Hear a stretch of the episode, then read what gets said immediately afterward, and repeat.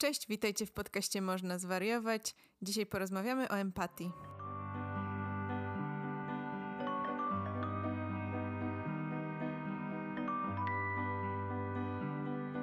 Jest z nami nasza stała gościni, ekspertka do spraw trudniejszych niż same możemy o nich opowiedzieć, czyli Ola Piejka, którą już znacie. Ola jest doktorantką w Instytucie Psychologii Polskiej Akademii Nauk. Cześć Ola. Cześć, witajcie, bardzo mi miło. I Ola dzisiaj wytłumaczy nam, czym jest empatia i jakie są jej rodzaje i w ogóle o co chodzi.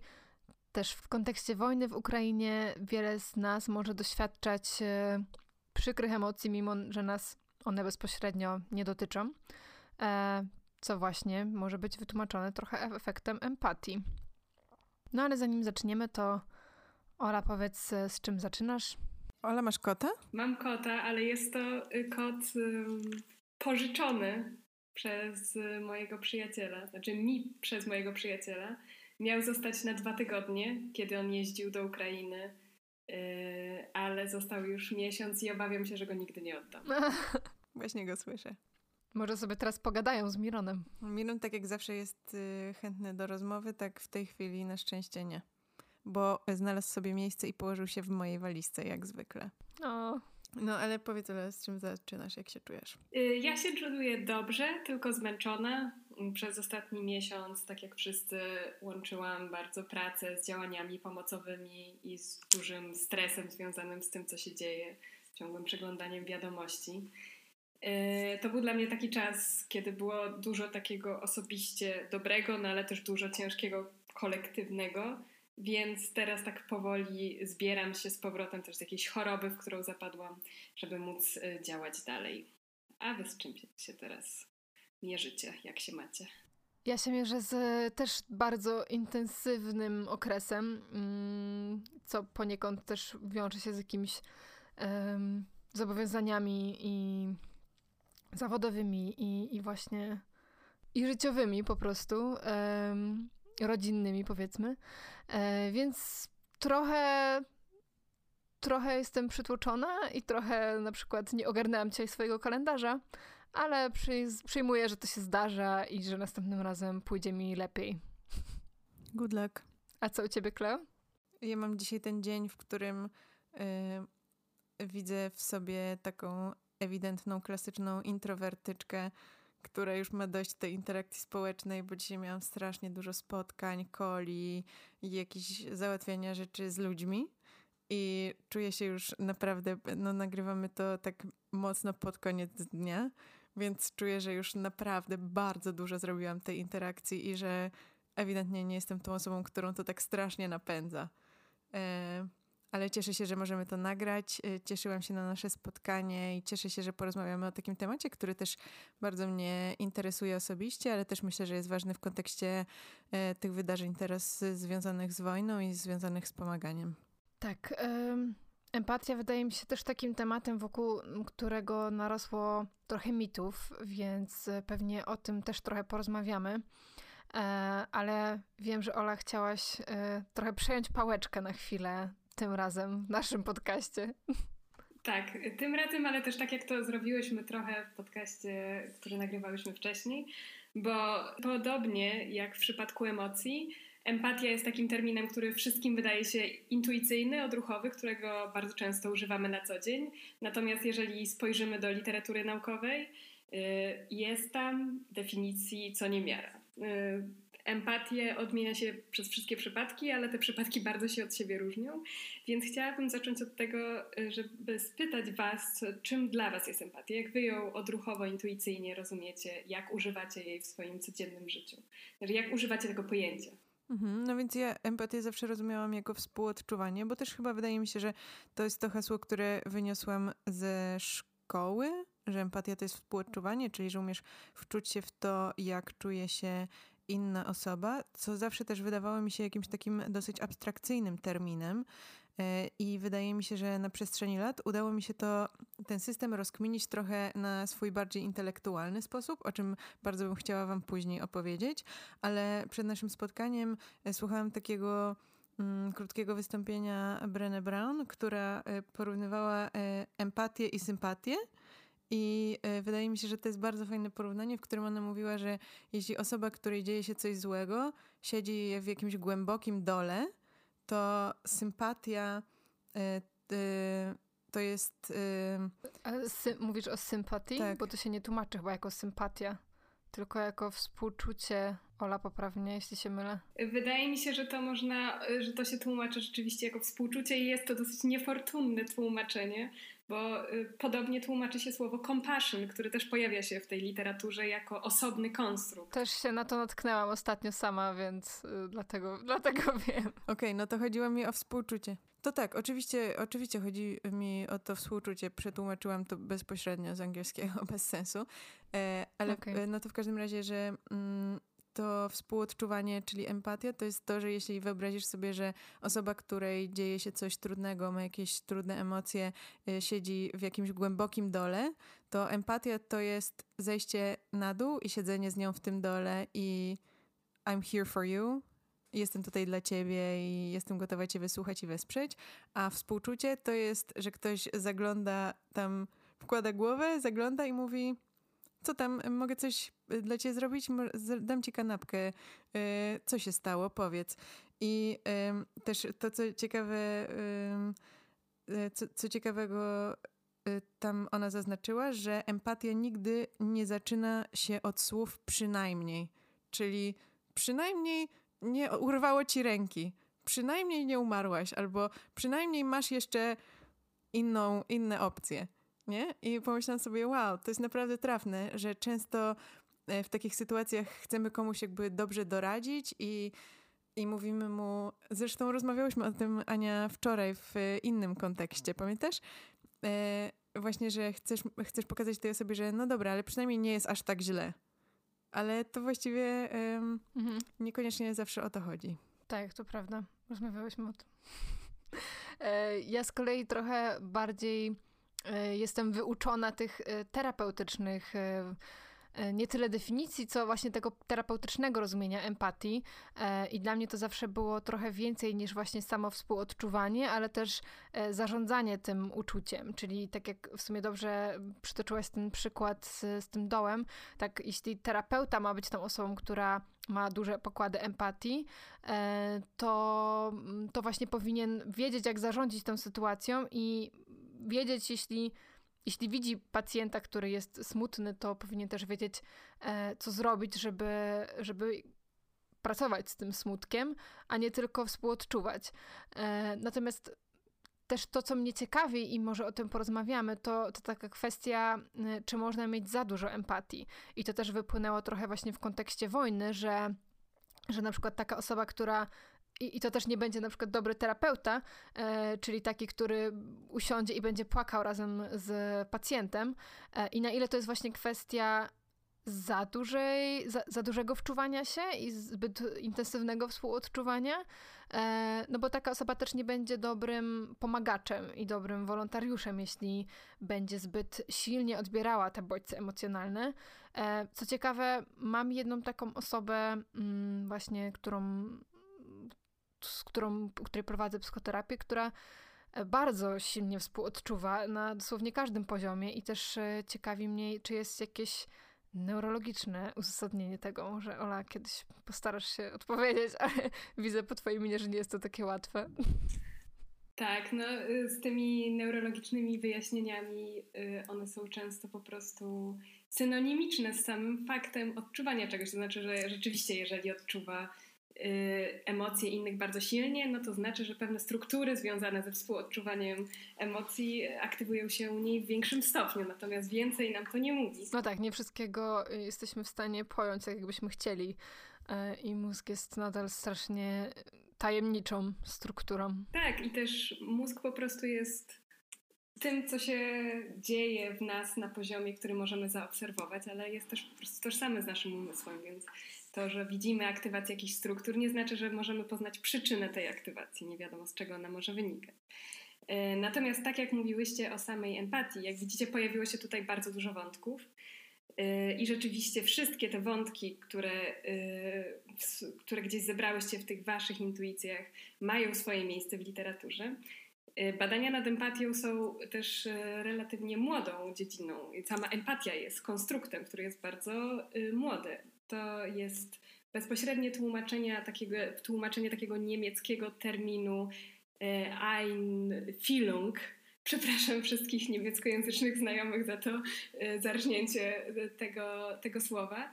Natomiast... Freud przewraca się w grobie. Natomiast jest to rzeczywiście słowo bezpośrednio oznaczające jakby wyczucie, wczuwanie się. Natomiast jego pierwotne znaczenie nie miało nic wspólnego z empatią, tak jak ją rozumiemy dzisiaj. Oznaczało ono, y, wzięło się ono z dziedziny estetyki i oznaczało taki stan, takie doświadczenie projektowania swoich emocji na krajobraz. Czyli kiedy y, odczuwamy krajobraz, Y, rzutując na niego swój stan wewnętrzny, czyli idziemy smutni do lasu i ten las nam się jawi taki ciemny, mroczny, zestrojony z nami. I to było właśnie y, to pojęcie, które miało to, to wrażenie tego, tej projekcji uchwycić. Natomiast... O Jezu, kiedyś czytałam taką super przypowieść o chłopcu i rabinie i pamiętam, że kiedyś nie, wydawało mi się, że nie rozumiem jej tak wystarczająco i ostatnio na nią trafiłam jeszcze raz i to wam powiem szybko. To było o tym, że chłopiec, rabin zapytał chłopca, dlaczego codziennie chodzisz do lasu? I chłopiec mówi, bo idę tam spotkać się z Bogiem. A rabin mówi, ale przecież Bóg jest taki sam wszędzie. A chłopiec mówi, tak, ale ja nie jestem. I wydaje mi się, że to jest dokładnie to, o czym mówisz. To prawda, to jest bardzo piękna ilustracja tego. I tutaj, jak widzimy, mamy takie trochę odwrócenie tego, jak używamy tego pojęcia teraz, bo teraz empatia znaczy, no właśnie, tutaj przed chwilą rozmawiałyśmy o tym, co ona znaczy, ale w takim intuicyjnym pojęciu można ją rozumieć jako taki stan, w którym to jakby my przejmujemy, czy jakoś rozumiemy, współodczuwamy y, z drugą osobą. Mamy przeżywamy w sobie emocje, które nie są bezpośrednio nasze, tylko przychodzą do nas z zewnątrz. I tak rozumiana empatia, czy tak rozumiane badania nad tak rozumianą empatią y, zaczęły się rozwijać dopiero w XX wieku.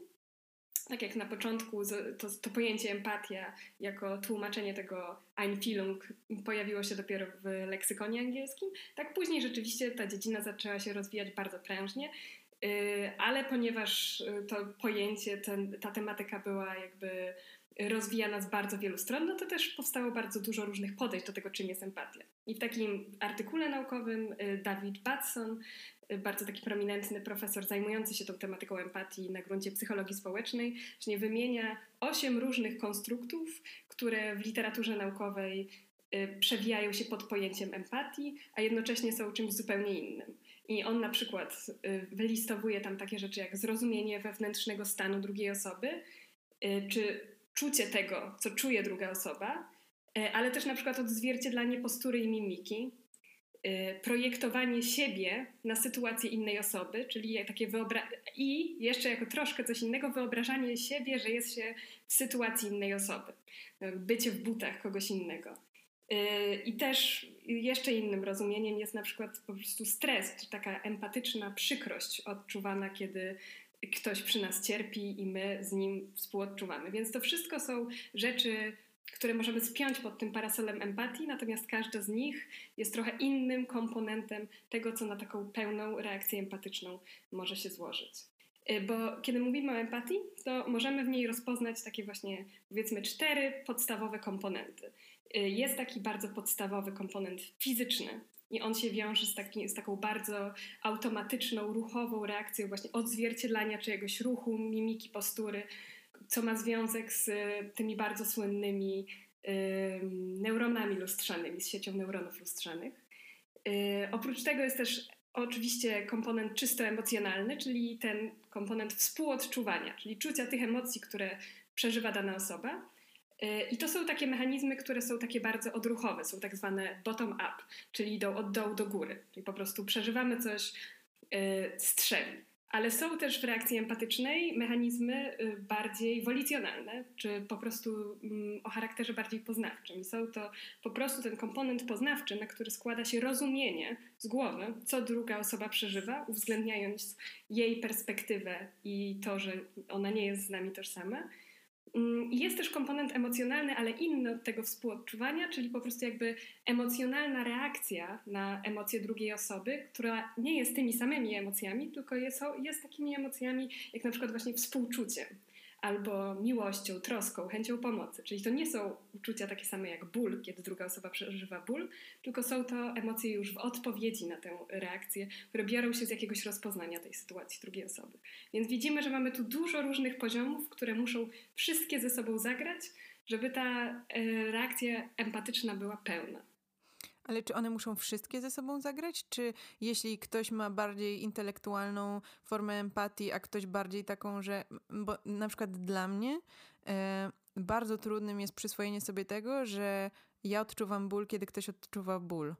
No, Kompletnie nie, ale jednocześnie, mimo że wydaje mi się, że e, mój rodzaj empatii być może jest trochę inny niż jakiś klasyczny, to e, i, I, był taki okres, że myślałam sobie jako raczej mało empatycznej osobie, to teraz widzę to w inny sposób, że inaczej sobie to muszę przetłumaczyć, więc y, wydaje ci się, że to jest tak, że jest pełnowartościowa empatia i niepełnowartościowa empatia, czy w jakimś stopniu po prostu wszyscy mamy jakiś swój y, rodzaj? Który jest dobry tak samo. To tak, tak, takie normatywne postawienie sprawy było zupełnie zbędne, bo oczywiście nie musi być tych wszystkich komponentów. To są takie różne części, które we, w reakcji empatycznej mogą się pojawić, ale dokładnie tak jak mówisz, jest w niej, te różne składowe mogą u różnych ludzi występować w różnym stopniu yy, i może być tak, że ktoś, tak jak ty na przykład, ma ten komponent poznawczy rozwinięty o wiele bardziej niż komponent emocjonalny, a inna osoba z kolei może mieć ten komponent emocjonalny rozwinięty do takiego stopnia, że nie jest w stanie go w żaden sposób jakby kontrolować czy wyłączyć. U, usytuować w kontekście, czy wyłączyć y, przez te mechanizmy top-down, czyli te mechanizmy właśnie sterujące, co sprawia właśnie, że tak jak ty mówiłaś, y, Ania, o takich, y, o takich osobach, które mogą przeżywać jakieś rzeczy bardzo mocno. Mm, to jest właśnie taka, taka afektywna empatia, która jest y, właśnie w żaden sposób nieskontrolowana przez taki aspekt poznawczy, bo te, to jak można też myśleć o tych y, bardziej odruchowych i bardziej mm, takich, nazwijmy to y, też nienormatywnie wyższych mechanizmach, to jest tak, że ta reakcja emocjonalna jakoś tak nas bardzo zbliża do drugiego człowieka, tak? W sensie, że rzeczywiście jest taką, takim odzwierciedleniem tego, co się dzieje u niego, czyli ona mm, pomaga nam jakby bardzo dobrze odtworzyć sobie jego perspektywę, ale ta reakcja, ta, ta druga część, ta część poznawcza y, jest nam potrzebna, bo ona pomaga nam stworzyć to rozróżnienie na ja i innego, bo jednak te emocje, które ktoś odczuwa, to nie są moje emocje. Ja nie jestem w pełni w jego sytuacji, więc dopiero zrozumienie kontekstu tej inności pozwala nam tak jakby w pełni zrozumieć, co tak naprawdę może się dziać po drugiej stronie. Więc te emocje oczywiście jak, dają nam jakąś informację, ale one też nie są pełne bez takiego właśnie poznawczego, refleksyjnego komponentu. A powiedziałabyś, że e, właśnie to samo współodczuwanie jest jakimś takim właśnie je, może pierwszym etapem empatii, a później idzie właśnie ten kolejny kompon komponent tego poznawczego przeformułowania, czy tego takiej facy facylitacji myślenia? W taki sposób mówi się o tym w takim kontekście e, filogenetycznym, czyli jeśli chodzi o rozwój naszego gatunku. To znaczy e, badacz, bardzo znany prymatolog Franz de Waal razem ze swoją współpracowniczką e, Stephanie Preston zaproponowali taką teorię, która się nazywa modelem matrioszki w rozwoju empatii i zachowań prospołecznych. To niefor niefortunne porównanie na obecne czasy. To prawda, ale odzyskajmy chociaż matrioszkę na ten moment. Y, I ta matrioszka ma po prostu symbolizować takie właśnie kolejne nawarstwianie. O, albo zmieńmy to na polską na model cebuli. Y, ta cebula tak. symbolizuje kolejne warstwy, które narastają na, y, na, powiedzmy kolejnych ewolucyjnych zdobyczach. Czyli oni proponują, patrząc też y, na badania obserwacyjne mm, wykonywane na zwierzętach, możemy zobaczyć, że generalnie u zwierząt pojawia się empatia, ale właśnie w różnych formach, czy różne jej aspekty występują w różnych gatunkach. I tak jak podstaw takim podstawowym mechanizmem, który możemy widzieć u bardzo wielu gatunków, jest coś takiego jak zarażanie się emocjami. Y, czyli jakby przechwytywanie tych y, emocji między osobnikami jednego gatunku, które są gdzieś razem, są w grupie, są w jakimś stadzie I właśnie taka, takie odtwarzanie postury, postawy mimiki. I oni postulują, że to jest taki pierwszy poziom, taki właśnie ten najbardziej podstawowy, na którym pojawia się ten kolejny poziom empatycznej troski i wsparcia, czyli już takich uczuć bardziej pogłębionych, właśnie tego pełniejszego odtwarzania emocjonalnego tych emocji drugiej strony i związanego z nimi stresu, który chcemy w sobie ukoić, pomagając temu drugiemu osobnikowi czy, yy, czy innej jednostce. I na to jeszcze nakłada się właśnie w tej teorii ten ostatni poziom, poziom taki konceptualny, poznawczy, który pozwala nam właśnie rozróżnić, które emocje są moje, a które nie są moje i pozwala też na celowe działania pomocowe, czyli takie działania, które już mają konkretną, yy, konkretny cel w zapobieganiu temu cierpieniu, a nie są tylko takim gaszeniem emocjonalnego pożaru, który czujemy w samych sobie. Więc to tak ogólnie o gatunku, ale w tych takich komponentach y, empatii możemy to dostrzec. Okej, okay, to właśnie składa mi się w taką rzecz, o którą, mm, która mi się skojarzyła, którą kiedyś przeczytałam, nie jestem teraz pewna gdzie, że właśnie to samo współodczuwanie jest tak naprawdę często, mm, jeśli mówimy o, o nieprzyjemnych emocjach, jest często takim, mm, no właśnie nieprzyjemnym uczuciem też dla nas, dlatego e, jak najszybciej chcemy się go pozbyć, często proponując drugiej osobie pocieszanie albo takie zapewnianie, że no co ty, wszystko będzie dobrze, yy, nie płacz. Przynajmniej nie urwało ci ręki. No, dokładnie. I, I na ile to też możemy nazwać jakimś... Yy, jakąś właśnie może nie, niekompletną empatią, skoro zarządzamy takim komunikatem w taki sposób, że, że chcemy jak najszybciej pozbyć się tych negatywnych emocji też y, od siebie, nie? No bo skoro my współodczuwamy, no to nie chcemy czuć się smutni, ale też nie chcemy, żeby ta osoba czuła się smutna. Tak, jeśli chodzi w ogóle o ten motywacyjny charakter empatii, to y, są różne wyniki badań, które pokazują nam trochę y, odmienny obraz. Generalnie jest taka bardzo znana teoria empatii altruizmu, czy hipoteza empatii altruizmu, zaproponowana właśnie przez, zresztą przez Davida Betsona, wcześniej wspomnianego. E, według tej hipotezy empatia jest niezbędnym składnikiem dla zachowań prospołecznych. Jest tą iskrą, która nas motywuje do tego, żebyśmy rzeczywiście zrobili coś dla drugiej osoby. I e, David Watson pokazywał w swoich badaniach, że jeżeli uczestników na przykład poprosimy o to, żeby wczuli się w sytuację jakiejś wyimaginowanej osoby, która w przedstawionej im historii przeżywa cierpienie, to byli oni o wiele bardziej skłonni jej pomóc niż kiedy tego nie robili. Albo kiedy mieli się skupić na jakichś trochę innych rzeczach, ale nie związanych właśnie z tym przyjmowaniem perspektywy.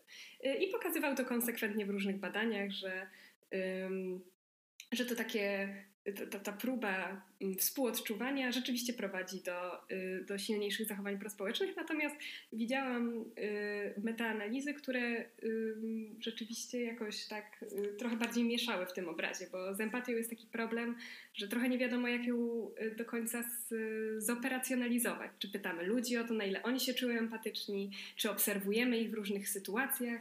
No tak, nie każdy też będzie świadomy na przykład tego, no bo to nie jest taka emocja, którą jakoś łatwo wychwycić nazwać, tylko coś bardziej jednak złożonego, też na podstawie tego, co opisałaś chociażby. Tak, dokładnie. Więc mówię o tym wszystkim dlatego, żeby tak zaznaczyć, że ta empatia, zwłaszcza jakoś w ostatnich latach, stała się takim trochę kontrowersyjnym tematem, y, tak też akademicko-naukowo, bo zaczęło się to pojęcie bardzo y, gęsto i szeroko pojawiać w takim dyskursie publicznym. Y, możemy... Tak zwana folk psychology. tak, ale też w polityce możemy wszyscy pamiętać, że w czasie administracji Obamy w Stanach Zjednoczonych ta empatia przez samego Obamy, Obamy była wyciągana na sztandary jako to właściwe narzędzie y, tworzenia więzi społecznych, bycia wśród innych ludzi. Y, a jednocześnie są tacy filozofowie, psychologowie, którzy y, też na takim publicznym forum postulują, żeby tę empatię jednak z tych, z tych sztandarów zdjąć i mówią, że ona właśnie wcale nie jest takim świet, taką świetną podstawą dla zachowań moralnych i prospołecznych. A teraz chwila dla partnera naszego odcinka. Wellbe.pl to platforma psychoterapeutyczna, której ideą jest zapewnienie Ci wsparcia wtedy, kiedy tego potrzebujesz i gdziekolwiek jesteś. Wellbe łączy osoby zmagające się z trudnościami z obszaru zdrowia psychicznego albo takie szukające rozwoju osobistego z wykwalifikowanymi specjalistami zdrowia psychicznego z obszaru psychoterapii, ale też psychodietetyki, seksuologii i innych. W Wellbe możesz umówić się na wizytę online lub stacjonarną w gabinecie.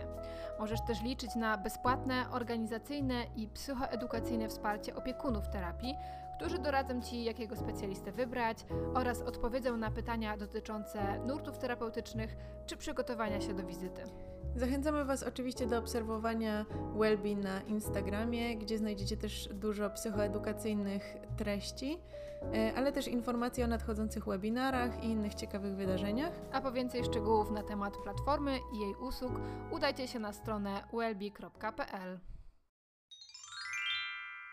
Czy e, uważacie, że empatia jest jednoznacznie pozytywnym konceptem, konstruktem, czy jest to też coś, co może mieć jakiś negatywny backlash? Czy to jest coś, co zawsze jest w każdej sytuacji społecznej pomocne, e, czy czasami bywa wręcz e, destrukcyjnie wpływające na osobę? Jak myślę sobie o tej sytuacji wojny w Ukrainie i tego, jak różne osoby na nią różnie reagowały, to miałam wrażenie, że u jednych to właśnie empatia była tym motorem napędowym tego, żeby jak najszybciej rzucić się w wir pomagania innym osobom, właśnie dlatego, że były w stanie na tyle współczuwać, że działanie było pierwszą rzeczą, która od razu przychodziła do głowy.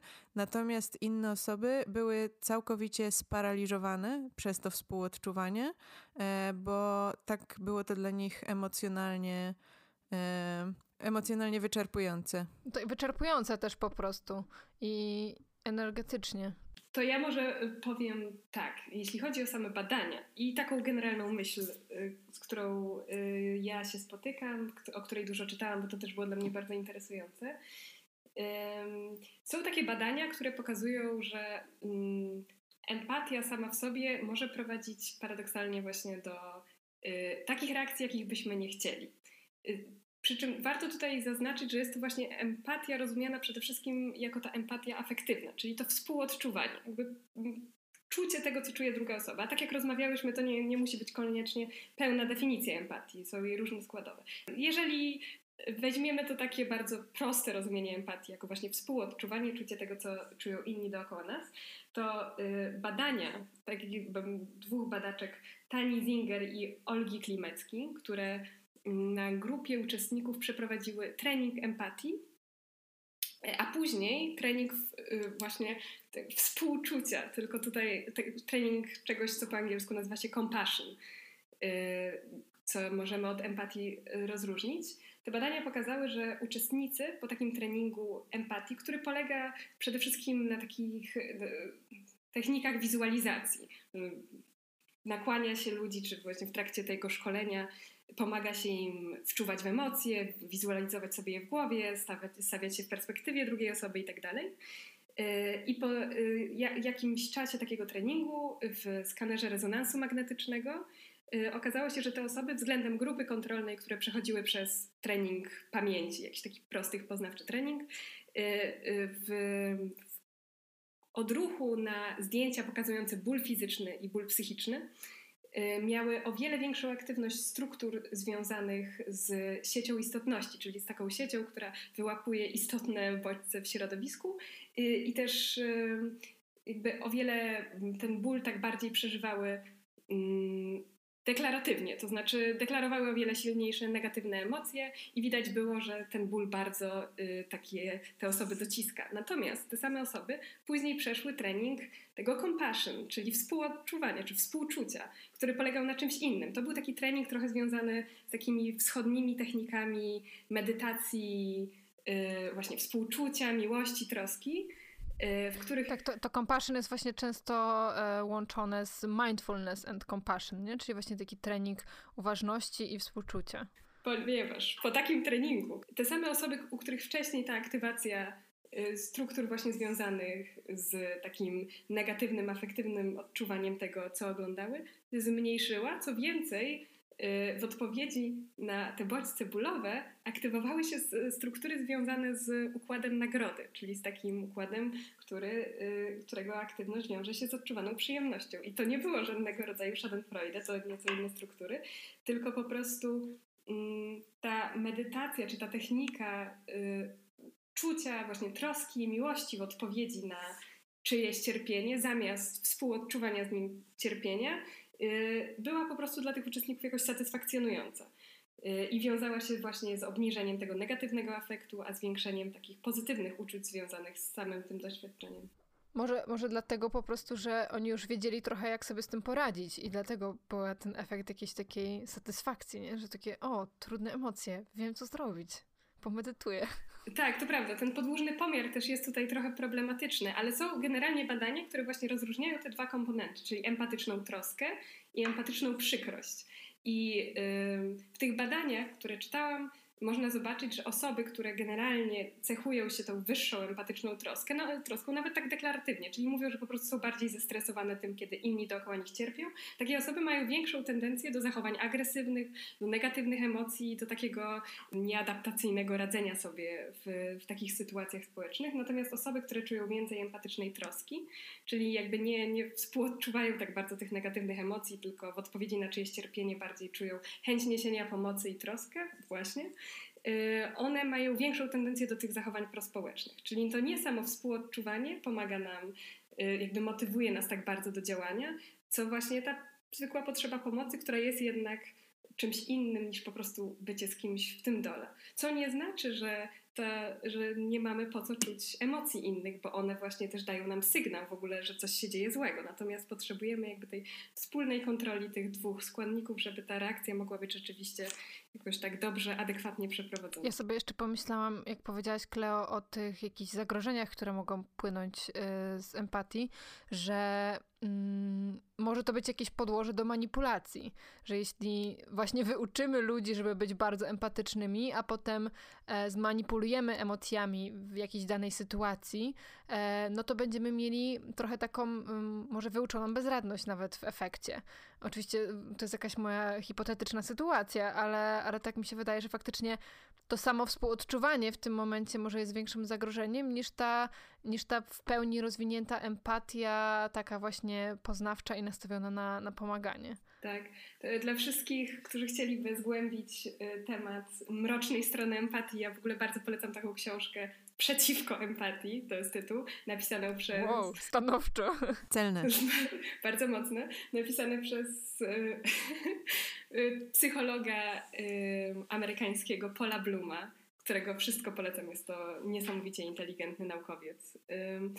On napisał taki artykuł, który się nazywa Baby in the Well or a Case Against Empathy oraz książkę przetłumaczoną na, na polski przeciwko empatii, gdzie właśnie listuje wszystkie te problemy, które empatia ze sobą niesie. Czyli przede wszystkim to, że właśnie jest bardzo odruchowa, bardzo prosta, też prosta do zmanipulowania, y, bardzo jednostkowa, to znaczy zawsze będziemy bardziej współodczuwać z jedną osobą, którą widzimy, niż z wieloma osobami, które cierpią.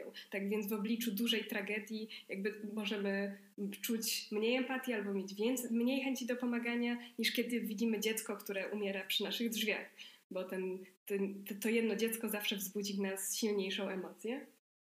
Y, I on jakby właśnie postuluje, żeby tą, tą właściwszą podstawą dla zachowań moralnych, żeby na, na, te, na te sztandary brać to, to pełniejsze, bardziej poznawcze i nawet trochę ograbione z tych emocji współodczuwanie. No bo tak jak on mówi, kiedy mamy rodzica i dziecko, to nie chcemy rodzica, który płacze, kiedy dziecko płacze, tylko który wesprze dziecko, pomimo tego, że je, jakby czy nie pomimo, tylko w związku z tym, że rozumie te emocje, ale nie musi tego przeżywać tak bardzo jak to dziecko. No i tak jak ty mówiłaś, Ania, kiedy jesteś terapeutką, nie możesz po prostu e, rozpadać się razem ze swoimi klientami, tylko ważne jest, żebyś rozumiała, co oni czują i w związku z tym ten afektywny komponent jest ważny, bo daje ci wgląd, ale musi tam być coś więcej. Musi tam być dystans, który pomaga ci adekwatnie zareagować na to, co, co przeżywają ludzie dookoła ciebie. Widziałam, że Kleo się wyrywałaś, a ja chciałam jeszcze wrócić do... Um do tematu tych neuronów lustrzanych, o których wspomniałaś, e, no bo to właśnie, jak już mówimy trochę o tej też popularnej psychologii, czy popularnym rozumieniu empatii, to to stało się takim, takim trochę słowem wytrychem. E, I ogólnie często widzę, że, że zaczynamy używać nawet w jakimś takim publicznym dyskursie czy prywatnych rozmowach słów, które gdzieś zakrywają o neurobiologię, których nie do końca rozumiemy.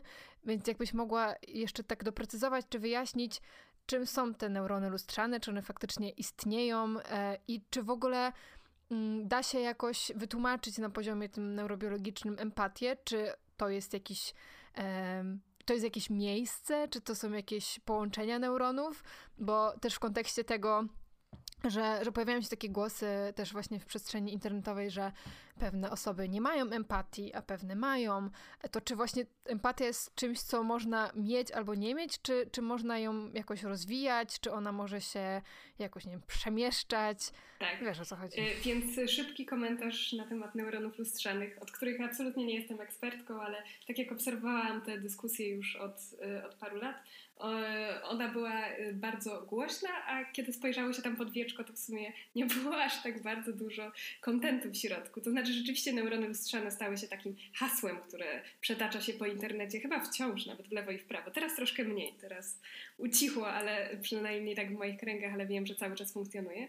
No więc z neuronami lustrzanymi problem jest taki, że właśnie ta, ta, ta idea obiecuje więcej niż rzeczywiście jest w stanie zapewnić. Y, jest coś takiego jak neurony lustrzane, one rzeczywiście rzeczywiście zostały odnalezione w latach 90.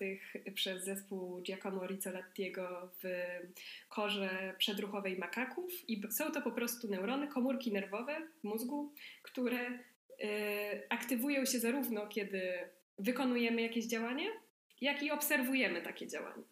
I stąd y, pojawiła się ta wielka mm, idea, że one generalnie mogą nam wytłumaczyć uczenie się zachowań, współ, właśnie współodczuwanie, y, rozumienie innych i że są taką neuronalną podstawą życia społecznego w ogóle.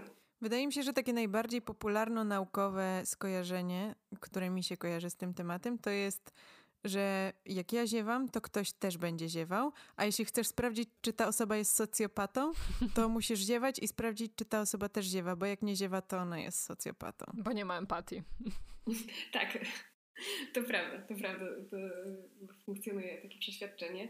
Y, I to jest o tyle ciekawe, że jest taki badacz, Gregory Hickok, yy, który jest neuronaukowcem, on też się zajmuje, z tego co wiem, rozwojem języka, chociaż mogę się mylić. On napisał w 2015 roku bodajże taką też głośną książkę Mit neuronów lustrzanych gdzie miał się też rozprawiać z tym mitem. Ale jeżeli właśnie wczytacie się trochę w tę książkę, czy w artykuł, na podstawie której on ją napisał, to y, ani on nie jest jakoś bardzo przeciwko idei neuronów lustrzanych i nie jest tak, że same te neurony są mitem, są jakimś stwierdzonym faktem naukowym, tylko że właśnie on pokazuje, że ta, ta idea nie może, nie daje tyle, ile obiecuje w tym popularno-naukowym obiegu. Z neuronami lustrzanymi jest tak, że to są po prostu właśnie neurony w obszarach y, dolnego zakrętu czołowego, obszarach ciemieniowych, trochę skroniowych, tych obszarach ruchowych, które y, są rzeczywiście kluczowe dla jakby selekcji i egzekucji działań czy ruchów.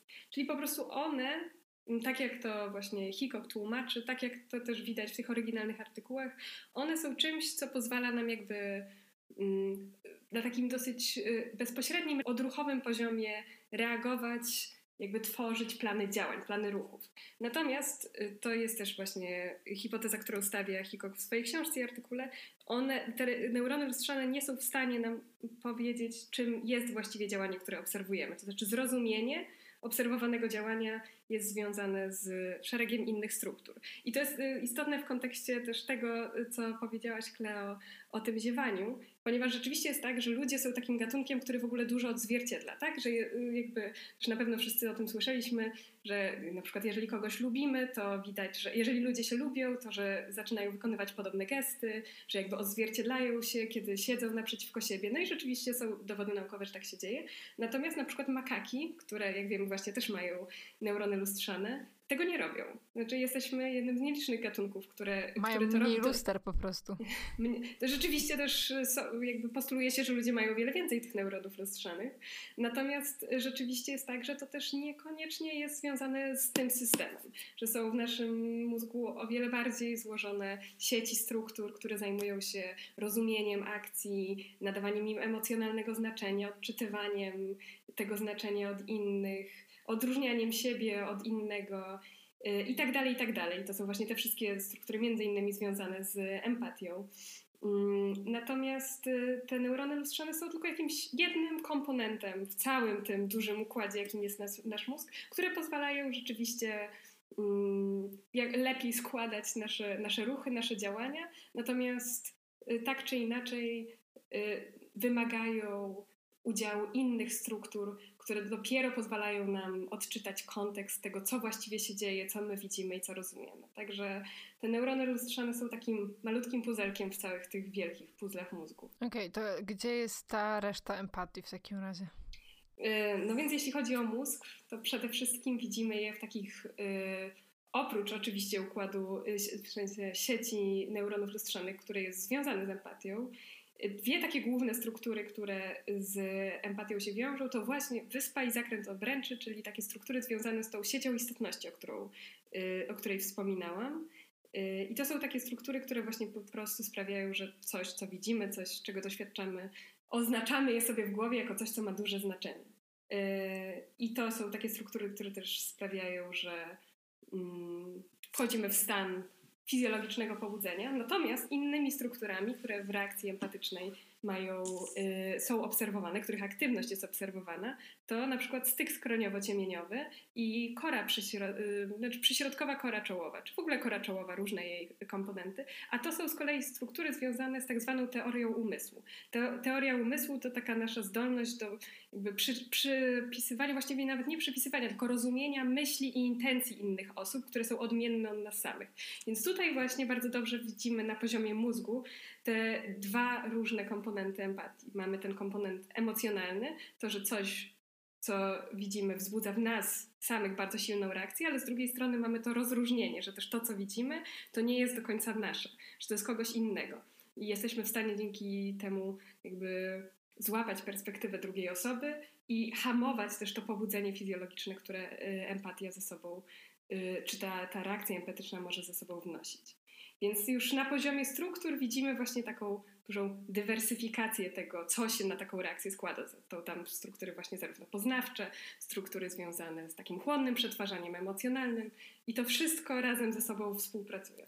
A w jakim stopniu powiedziałabyś, że y, to, czy ktoś ma tej empatii w sobie więcej czy mniej, albo czy mają w ogóle lub nie, jest predeterminowane, e, czy większy wpływ ma na to na przykład środowisko i wychowanie?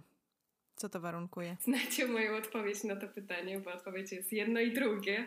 Jedno i drugie. 50 na 50. Zawsze. Nie, nie, nie do końca w tym rozkładzie oczywiście to może być różne, bo to też jest bardziej 100 na 100.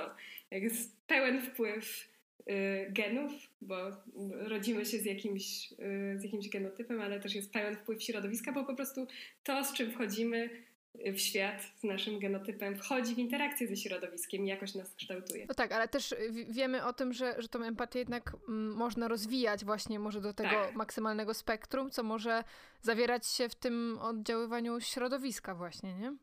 Tak, jak najbardziej, więc właśnie każdy z nas może mieć jakąś większą lub mniejszą predyspozycję do tego, żeby współodczuwać z innymi. Yy, I rzeczywiście tak jest. Wiemy, że to są jakieś takie rzeczy, które są dziedziczone. Natomiast są też treningi empatii, które, które w badaniach rzeczywiście mm, dają jakieś efekty. Przyznaję, że ja nie jestem bardzo dobrze zaznajomiona z tą literaturą, natomiast ona jest dosyć szeroka. W sensie treningi empatii stosuje się yy, w miarę powszechnie w medycynie, żeby uczyć lekarzy lepszego empatyzowania z pacjentami. Yy, ale tak jak Wam opowiadałam trochę o tym badaniu yy, Zinger i Klimecki, to nie jest takie oczywiste, czego chcemy tak naprawdę ludzi uczyć, żeby osiągać te właściwe efekty. Czy chcemy ich uczyć, żeby lepiej rozumieli emocje, żeby lepiej współodczuwali emocje, czy żeby lepiej reagowali na emocje innych, bo to są różne rzeczy, które mogą wymagać różnych technik. Natomiast rzeczywiście wiem, że są badania na ten temat, że te treningi są i że y, empatię można w sobie rozwijać. Tylko pytanie, od której strony chcemy się do tego zabrać. No więc y, szczęśliwie złożyło się, że ja musiałam takich rzeczy nauczyć się the hard way, więc ja wam powiem, jak to zrobić. tak, właśnie, bo o, też o tej teorii umysłu rozmawiałyśmy w odcinku o dziewczynach e, na spektrum autyzmu z Natalią Fiedorczuk, e, bo faktycznie to, o czym ty, Kleo, mówisz, no to staje się właśnie takim nieoczywistym i, i może mniej wrodzonym, naturalnym, naturalną częścią tej empatii, ale tak jak ciebie znam, to nie powiedziałabym, że jesteś tym psychopatą, który nie ziewa, który nie ma empatii, e, więc jednak da się jakoś nawet e, bez tej wrodzonej teorii umysłu z tym poradzić. Więc y, przed naszym spotkaniem poczytałam właśnie o tym, jak można praktykować empatię w codziennym życiu, żeby być w niej coraz lepszym. I zorientowałam się, że to jest dużo takich rzeczy, które ja już sobie sama rozkminiłam i zaczęłam robić, więc powiem Wam teoretycznie, o co tu chodzi, a potem Wam powiem, jak ja to robię. o Boże. Wow. I, I'm so vulnerable in this podcast. Ale trudno, dobra. E, co mam do stracenia? Słuchaczy. Jolo. E, no więc pierwsza rzecz, która tam była, była wymieniona, to... Co mam do stracenia? Słuchaczy. Wszyscy wyłączają teraz. Pierwsza rzecz, która tam była wymieniona, to żeby mm, y, bacznie obserwować innych ludzi. Bo to moim zdaniem akurat się łączy z tym, co u autystycznych dziewczyn jest bardzo powszechne, czyli maskowanie. To znaczy bardzo dokładnie obserwujesz i analizujesz, jak zachowują się inne osoby podobne tobie, a potem próbujesz to wcielać w życie na swój sposób i zazwyczaj wygląda to po prostu komicznie. To jest, y, to jest chyba ten vibe, jak wiecie, jak są takie filmiki, że ktoś zakłada psu na cztery łapy takie psie buty i ten pies tak dziwacznie chodzi, albo kot, no. to wydaje mi się, że to, to często właśnie maskowanie is this kind. Ale to, co chciałam powiedzieć, to że właśnie przez takie dokładne obserwowanie y, można się nauczyć empatii w taki trochę bardziej może jakby intelektualno-abstrakcyjny sposób. I to, co ja zaczęłam robić, co u mnie się świetnie sprawdza, to jeśli trochę nie rozumiem, dlaczego ktoś się zachowuje w jakiś sposób, albo nie, nie umiem jakoś przypisać tego do tej sytuacji, albo, mm, albo na przykład osoba jest dla mnie onieśmielająca bardzo, to zazwyczaj robię to tak, że wyobrażam sobie tę osobę, bo przecież ona też chodziła do podstawówki i do gimnazjum. Więc wyobrażam sobie tę osobę, jakby ona jest teraz tylko trochę bardziej wyrośnięta, no nie? Ale generalnie trochę jest to jakby tą samą osobą, co była wtedy. I jak sobie to wyobrażę, to już nikt nie jest dla mnie taki aż... Yy, dziwny i niezrozumiały i straszny, tylko że ta osoba też kiedyś była na tamtym etapie i też potrzebowała, żeby ją ktoś przytulił, pogłaskał po głowie i powiedział good job, dobrze sobie radzisz, a teraz na przykład zachowuje się w jakiś sposób, który jest yy, na przykład bardzo taki dyrektywny i i ostry albo oschły, e, bo na przykład, e, nie wiem, była ta osoba niedoceniana w domu czy coś. Jak sobie to jakoś tak rozkminię i wytłumaczę, to wtedy sobie myślę o tej osobie nie, że ojej, dlaczego ktoś jest dla mnie taki niemiły, tylko bardziej o, mhm. no dobra, no trudno, rozumiem to. W sensie, czyli wczuwasz się wczuwasz się w tą drugą osobę, bo, bo wydaje się to nielogiczne, że ta osoba chce być celowo niemiła dla ciebie, więc starasz się wytłumaczyć to tak, bo ja wierzę, że świat jest dobry i ludzie też są dobrzy. Tak, dlatego starać się to wytłumaczyć na jakiś inny powód, nawet nie taki abstrakcyjny, tylko do czego, co mogło do tego doprowadzić, że ma, taki, ma takie nastawienie na przykład dzisiaj. Tak, trochę tak. A druga rzecz, która była tam e, zaproponowana, to było aktywne słuchanie. No nie? I rzeczywiście, jak sobie pomyślicie, o, jak wyglądają rozmowy w dzisiejszym świecie, to bardzo często to jest odbijanie swoich argumentów versus druga osoba i zanim jeszcze zdążysz dosłuchać, co ktoś ma do powiedzenia, to już mówisz to, co chciałaś powiedzieć, co sobie pomyślałaś. Ja jestem po prostu najgorszą osobą, która przerywa każdemu i zawsze muszę powiedzieć, jak już sobie pomyślę, to już muszę powiedzieć. Jak wiecie. Wiem, bo nagrywam z tobą podcast. Tak, a ja go potem muszę montować i rozsuwać tej ścieżki, żebyśmy nie chodziły sobie w zdanie, kiedy wchodzimy sobie w zdanie. Ale bardzo się staram nad tym pracować, naprawdę. I już jak to robię, to już sobie myślę, o Jezu, dobra, nie, nie mów, nie mów, nie mów, nie mów. E, i, ale to, co, e, o czym sobie, e, co ostatnio zaobserwowałam, jest w ogóle taki śmieszny filmik z taką jedną aktorką. Postaram się go znaleźć i podlinkować w opisie, w którym ona mówi o tym. Ale ostatnio miałam spotkanie startupu, i e, tam się wypowiadał e, taki chłopak na jakiś tam temat i, e, i on tak co chwilę mówił, no ale dobra, to już nie będę was zanudzać. A mówił o takich ciekawych, technicznych rzeczach, które no, dotyczyły całego naszego projektu. I mówił, no to, to, to myślę, że to, to tak i tak, ale dobra, to już, to już szybko, już kończę, już, już, już nie będę was zanudzać. I ja tak sobie pomyślałam, ej, a czy ty jesteś na przykład najmłodszy z rodzeństwa? Czy masz takie doświadczenie, że na przykład miałeś rodzeństwo, ale i, i w tym rodzeństwie, jak się każdy chciał wypowiedzieć i każdy ci po prostu mówił, dobra, dobra, już skończ, już skończ mówić, nie? Tak jak czasami rodzeństwo robi, jak się przykrzykujecie czy coś takiego. Więc wydaje mi się, że e, to aktywne słuchanie może e, e, doprowadzić do tego, że się zorientujesz, że ktoś się wypowiada w jakiś sposób, ale z innych powodów niż ze względu na tę jedną konwersację. No to jest taka moja obserwacja. A kolejna rzecz, którą wydaje mi się, że praktykuję od zawsze, to jest to, że y, otwierasz się przed innymi ludźmi bardzo szybko przez co ta osoba jest w stanie złapać z tobą taką y, od razu jakąś taką więź y, na szybciej, na innym poziomie, co też często jest w ogóle czymś niebezpiecznym i to jest coś, czego się późno nauczyłam, a na czym się bardzo mocno, mocno w pewnym momencie niebezpiecznie przejechałam, czyli obdarzanie uwagą niewartościującą. Nie każdego chcemy obdarzać tą uwagą wartościującą, a jak za bardzo się przed kimś otwieramy, to czasami może się wydawać nam, że to nie jest wartościujące aż tak, a dla tej osoby to może być bardzo istotne, na przykład, bo nigdy z nikim nie rozmawiała na jakiś temat, nie? Więc to jest taki śliski grunt, powiedziałabym. Mm, no ale jeśli mówimy szczerze i wulnerabilnie o swoich jakichś doświadczeniach, e, to zawsze to jest jakieś takie łatwiejsze pole do nawiązania tej empatii, tak sobie myślę. Mm, no a ostatni etap y, moich przemyśleń w tym temacie to jest to, że jaką mamy wspólną cechę wszyscy ostatecznie doszłam do tego, że wszyscy chcemy kochać i być kochani. I to jest coś, co na przykład sobie y, tak testowałam na tym, jak patrzyłam na osoby, których nie mogę znieść ze względu na ich poglądy, czyli na polityków Konfederacji. I patrzyłam sobie na nich i myślałam sobie, przecież to też jest osoba, która ma jakieś takie swoje plany, swoje chęci, emocje, że ona też chce być akceptowana, kochana przez kogoś i że to nie jest tak jednoznacznie jednowymiarowo osoba, która wydaje mi się, no, no zła. Jak byłam w gimnazjum, to mieliśmy jakiś konkurs taki całosz międzyszkolny, e, chyba z okazji nadania imienia szkole e, i trzeba było kurczę, już nie pamiętam jaki dokładnie brzmiał ten temat, ale trzeba było napisać jakieś wypracowanie na temat właśnie, że, że nawet w jakimś tam złym człowieku może być dobroć upraszczając. No i ja napisałam wypracowanie y, o tym, że Hitler był, malował akwarele, a Stalin a, a, Stalin miał jakieś trudne dzieciństwo i ogólnie jakoś tak, no wiecie, miałam, ile miało lat w gimnazjum, no znalazłam jakieś tam informacje w internecie e, i napisałam to, co tam wiedziałam.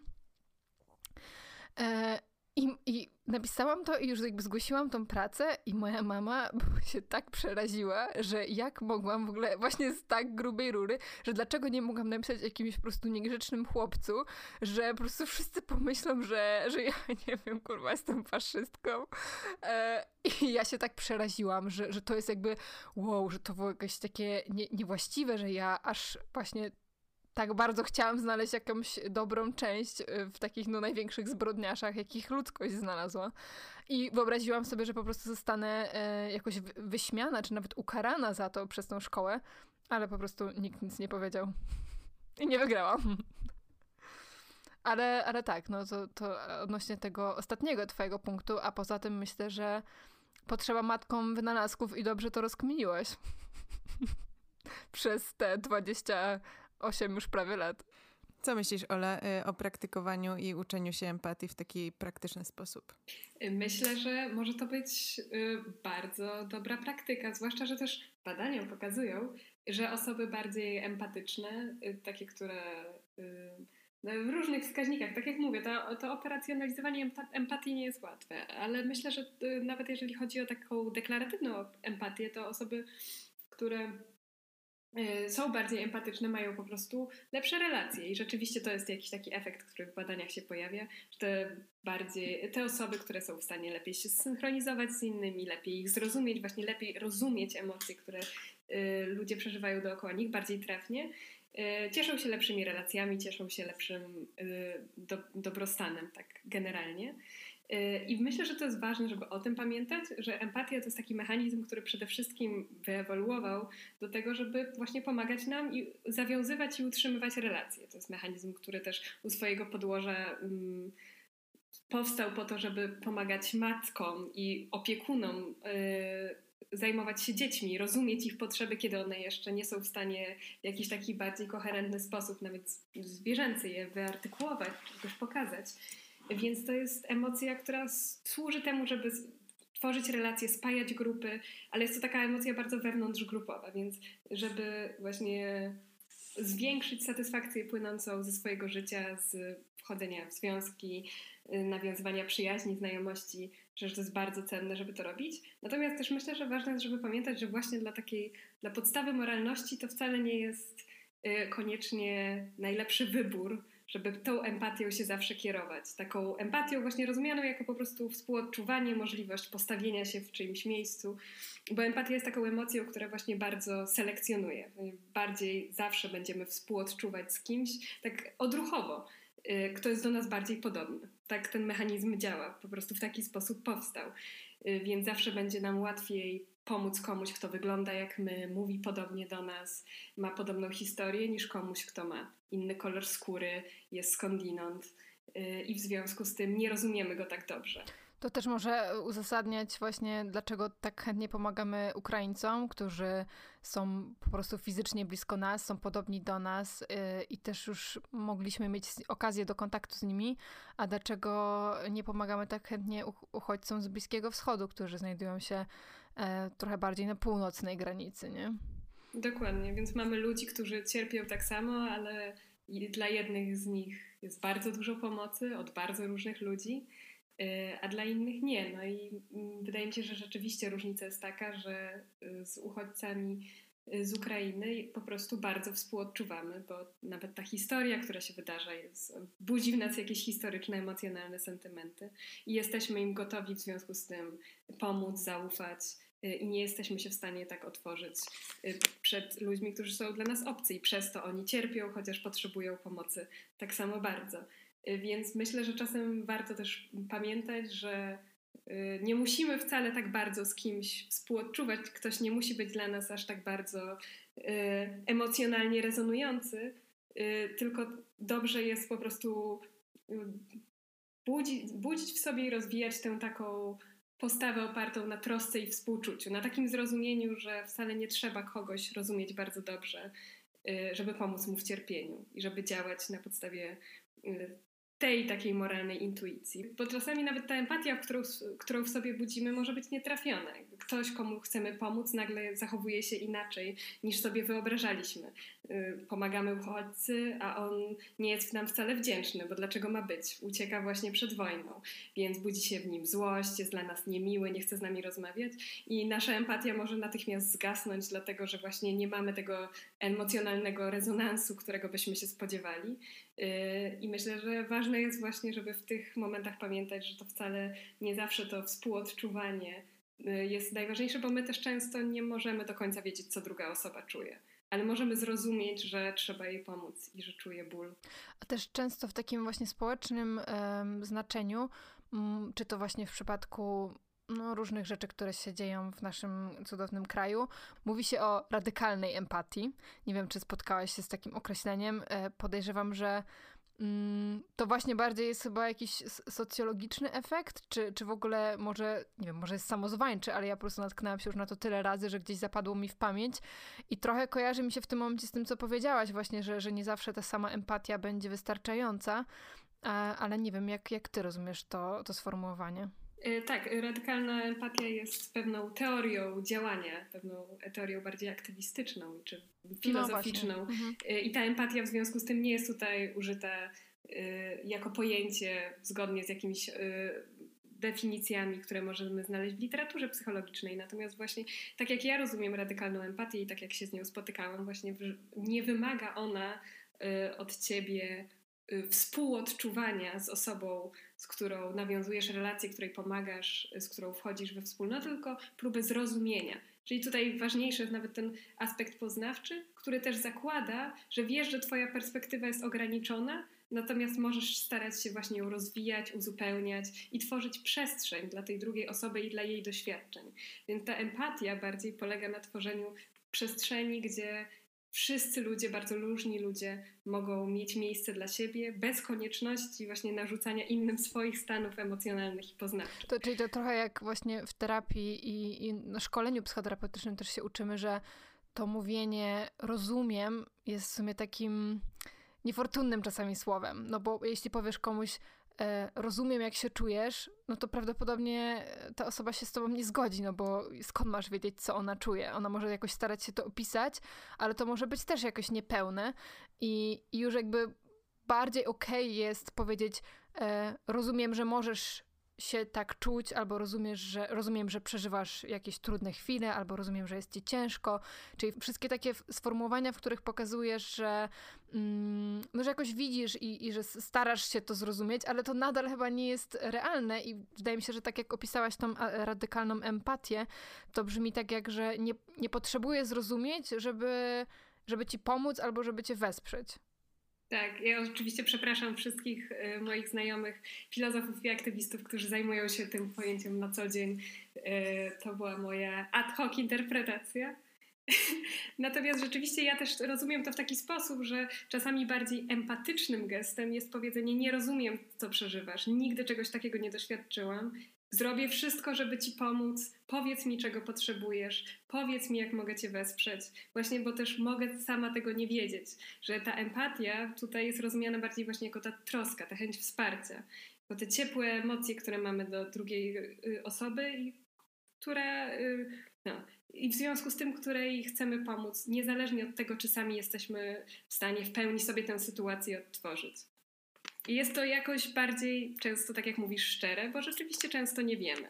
Oczywiście czasami wiemy, czasami coś może nam się wydawać, że wiemy, ale też fajnie jest zakładać, że druga osoba jednak zawsze jest kimś innym niż my, że mamy coś wspólnego, ale też ona ma swoją perspektywę.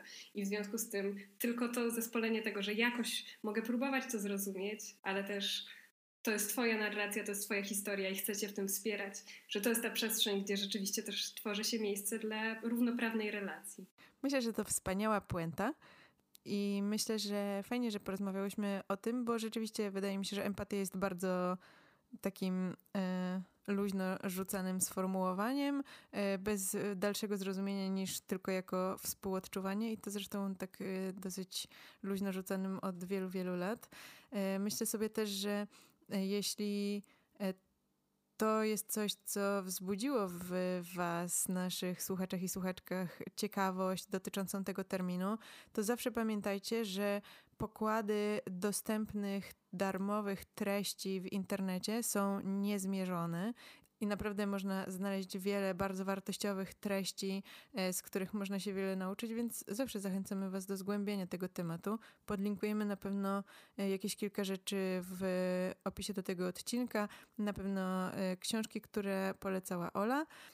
I też teraz pomyślałam sobie, że w ogóle dzisiaj na moim Discovery Weekly na Spotify pojawiła się piosenka, która mi się od razu skojarzyła, to znaczy teraz, skojarzyła mi się, że idealnie pasuje do tego odcinka, więc też wam ją podlinkuję. Dziękujemy ci Ola za ten czas i za ponownie, za fantastyczne opowiedzenie nam bardziej skomplikowanych rzeczy niż mogłoby się wydawać. E, mam nadzieję, że... To są zawsze najlepsze odcinki. Dziękujemy też naszym patronom, matronkom, że dzielnie nas wspieracie. E, pamiętajcie, że można to zrobić przez e, Patronite.